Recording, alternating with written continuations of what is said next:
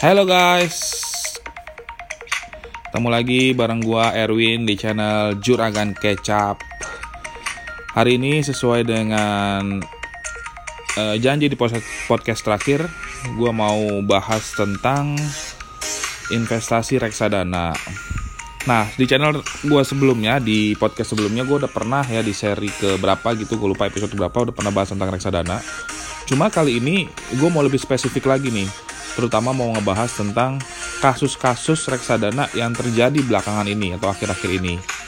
Jadi uh, seperti yang pernah gue jelasin sebelumnya bahwa gue ini bekerja di bidang uh, finance, khususnya gue sebagai advisor untuk investasi. So gue banyak banget dengar cerita dan keluh kesah dari nasabah tentang kasus-kasus yang mereka alami. Salah satunya teman baik gue dan teman deket gue. Jadi dia ini invest di salah satu reksadana yang menjanjikan garis bawahi ya, menjanjikan return fix net per 3 bulan. Dan pada akhirnya dia kemarin per Januari harus rilis loss 50% dari total modal investasi dia. Kenapa ini bisa terjadi? Oke, okay. uh, eh, mungkin gue nggak akan sebut spesifik ya untuk uh, siapa oknumnya, bagaimana mereka bermain dan bla bla bla bla. Pokoknya inisial inisial akan gue sebutkan, tapi gue nggak akan spesifik. Yang pertama tentang reksadana. Kita perlu tahu reksadana pada prinsipnya itu adalah investasi juga, guys. So nggak ada dalam dunia investasi yang menjanjikan fixed return. So kalau ada orang yang menjanjikan atau mengiming-imingi fixed return, itu kita udah patut curiga. Karena investasi itu nggak ada yang pasti guys. Konsep investasi adalah high risk high return. Itu udah pasti. Jadi kalau dia bisa menawarkan contoh misalnya kalau gue nggak salah uh, inget ya mereka bilang teman gue nih teman gue bilang dia ditawarin 6% net atau 7% net fixed return dari reksadana.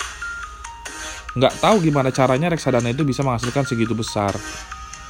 Kalau secara kita main saham itu mungkin banget 20% sehari pun itu mungkin banget. Kalau ya kalau di saham. Ini reksadana. So itu sangat-sangat di luar nalar menurut gua. Ya kan? Nah kenapa ini bisa terjadi? Yang gua denger ya yang gua denger diduga ini ada permainan under table yang menyebabkan fixed return itu bisa digaranti. Caranya gimana namanya main di saham di reksadana reksadana saham itu harga naik turun NAV naik turun. Once jatuh tempo 3 bulan dan harus dibayarkan uh, bunga kepada nasabah si MI ataupun manajemennya ataupun apalah mereka itu oknum ini akan memberikan return under table jika return reksadananya di bawah yang dijanjikan. Itu yang saya dengar ya korek ya ya ya sorry kalau salah tapi itu yang gue dengar dari uh, teman gue ini. Singkat cerita belakangan ini mungkin juga kalian denger ya di berita juga ada beberapa oknum salah satunya BT BT atau siapa gitu pokoknya ya cukup terkenal juga sudah mulai sudah diciduk sebagai tersangka. Dan akhirnya aset-asetnya juga mungkin disita ya. Dan ya pada akhirnya yang dirugikan tetap nasabah gitu. Ya sebagai contoh teman gue ini teman gue ini rugi sekitar atau lebih mungkin dari 50% dari total nilai modal dia gitu. Nah reksadana reksadana kayak gini sebenarnya kenapa bisa menghasilkan dan mereka bisa yakin banget bisa menghasilkan return segitu besar? 6% net per 3 bulan itu gede banget guys. Itu gede banget. Kenapa bisa begitu?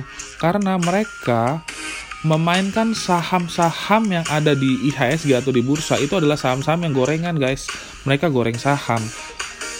Mereka nggak tahu uh, nggak peduli bukan nggak tahu. Mereka nggak peduli itu uh, perusahaan tuh kayak bagaimana fundamentalnya. Yang jelas mereka punya tuh cukup dana kelolaan untuk membuat harga saham itu naik dan melompat. Dan itu yang ya kalau kalian para anak-anak muda dan baru-baru coba main saham dan kalian nggak ngerti, kalian akan terjebak di saham-saham seperti itu, ikut permainan mereka. Nah, saham-saham ini yang ketahuan sama OJK sudah banyak banget nih. Reksadana-reksadana juga yang ketahuan sama OJK udah banyak banget dan akhirnya mereka harus for sale dijual paksa dan menyebabkan IHSG kita terus tertekan dari akhir tahun kemarin. Kuarter 4, kuarter 3 mungkin udah start. Karena apa? Saham-saham yang tadinya digoreng dipaksa harus dijual. Kenapa saya bilang saham gorengan? Karena guys, kalau kalian kalau kalian tahu saham-saham besar itu nggak akan semudah itu mengalami kenaikan harga yang signifikan. Itu kan, yang bisa mengalami kenaikan harga signifikan itu adalah saham-saham yang baru IPO, yang digoreng, ya kan?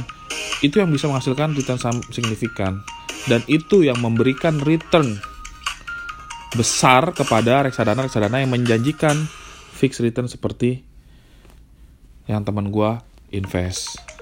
Dan artinya apa guys? Balik lagi konsepnya. Kalau kalian mendapatkan return yang sebesar itu, kalian harus siap dengan resiko yang sangat besar. Contohnya, kehilangan modal 50%. Dan sekarang setelah kita flashback nih, berapa sih 6% compare to 50% guys?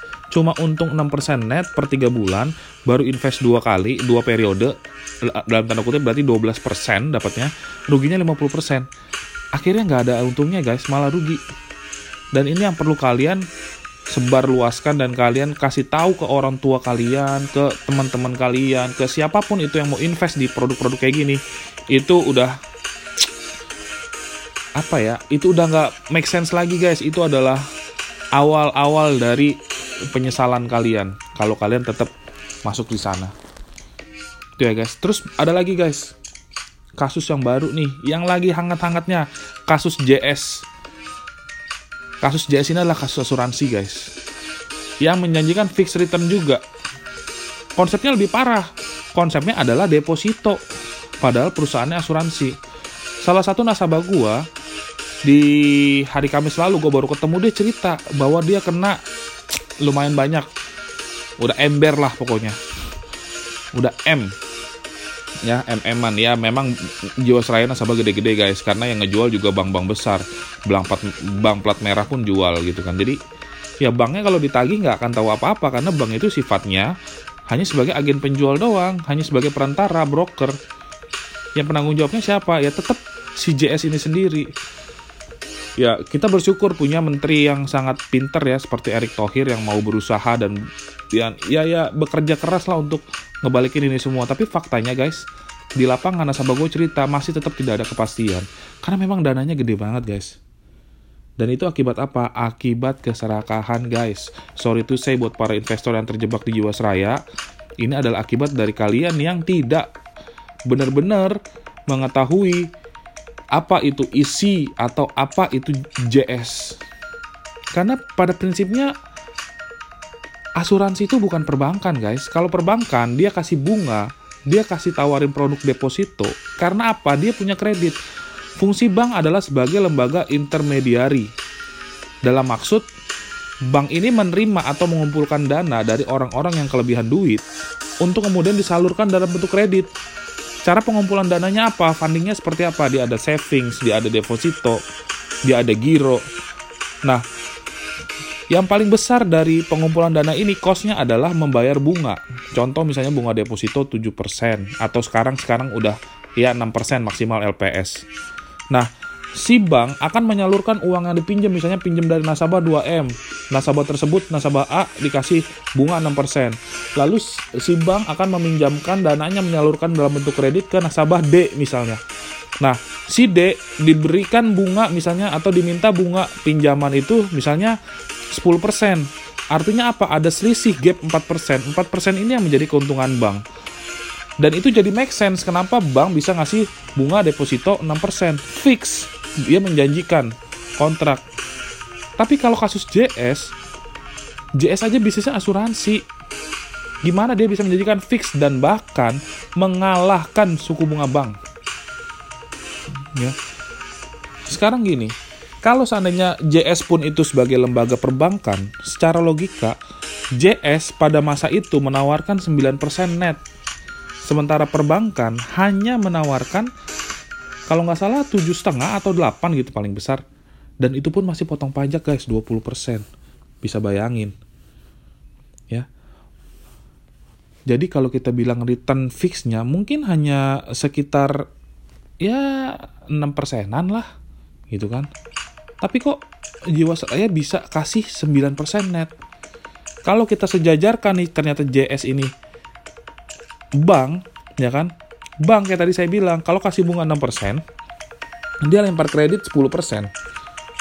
Di masa itu pemerintah lagi gencar-gencarin kredit suku bunga satu digit.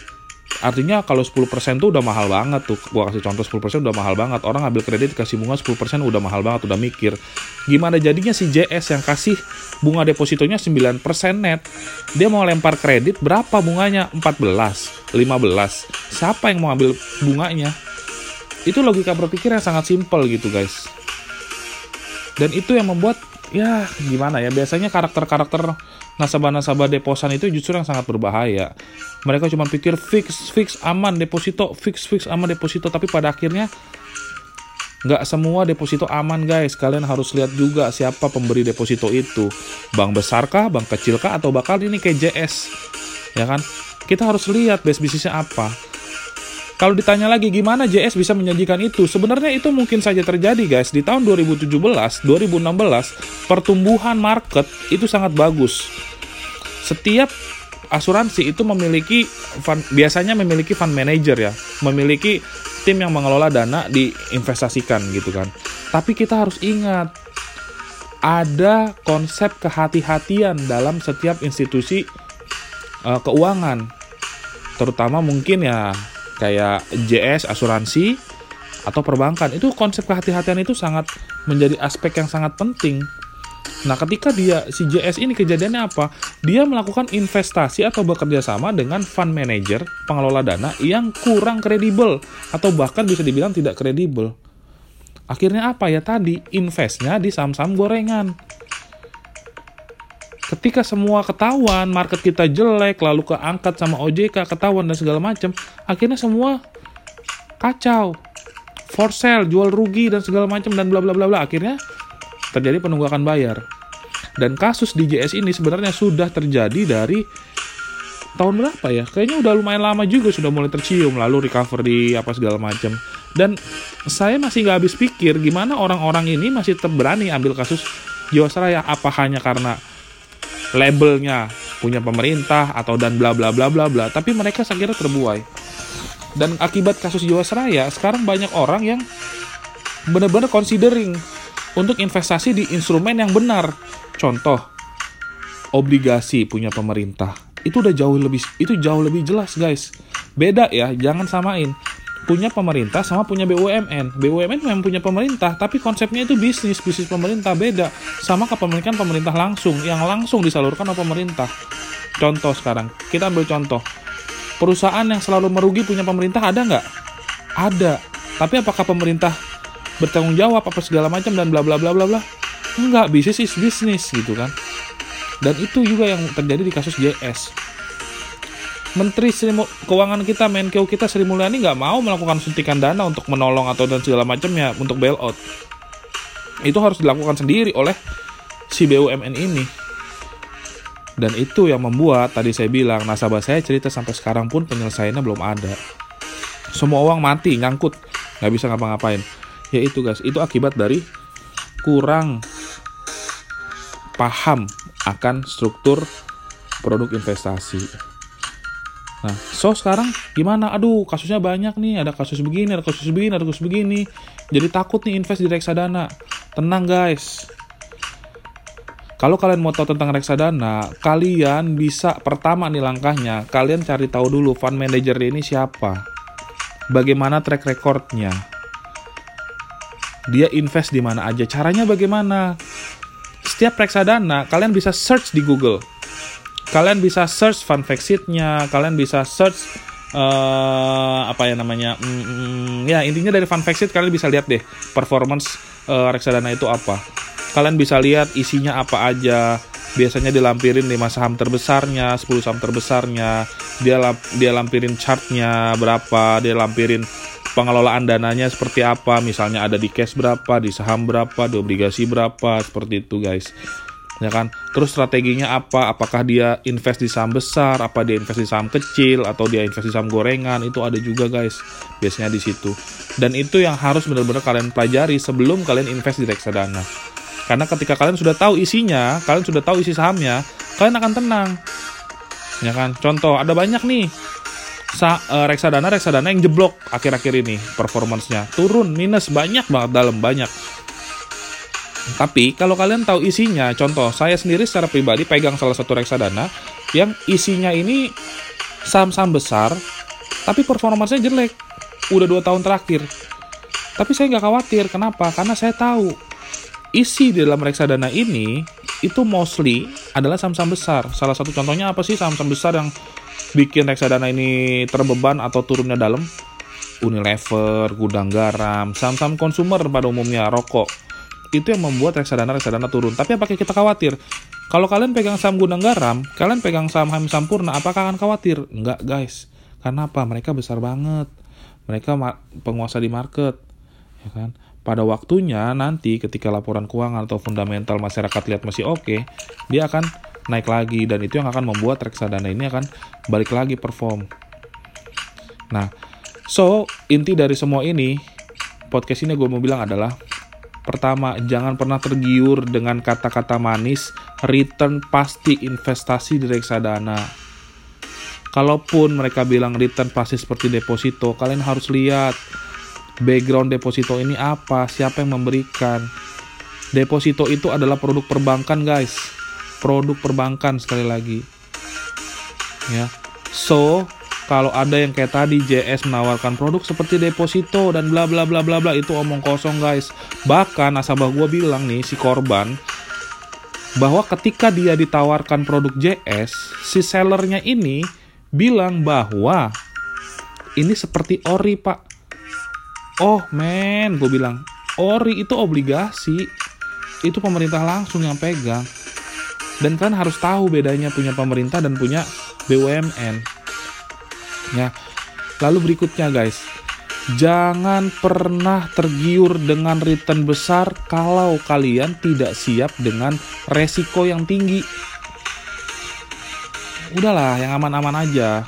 Kalau kalian mau yang return yang besar, gue saranin lebih baik kalian langsung terjun di saham. Itu lebih jelas. Lebih jelas kalian bisa tahu perusahaannya apa Kalian bisa lihat track record perusahaannya seperti apa, harganya, pergerakannya seperti apa, siapa aja orang yang main, ada asing, ada lokal.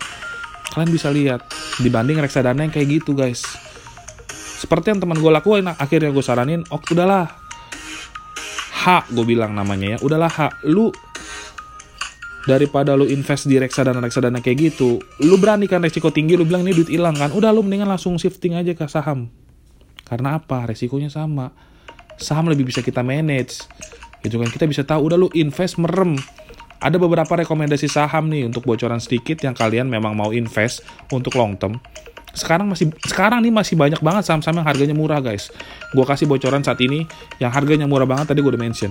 Ada saham-saham rokok ada Unilever ada Pegas. Pegas ini adalah perusahaan gas negara Lalu juga kalau kalian memang benar-benar mau yang aman banget, kalian bisa pilih nomor satu saham terbaik di Indonesia menurut gua dan mungkin kalian bisa tanya yang lain juga saham terbaik adalah BCA guys.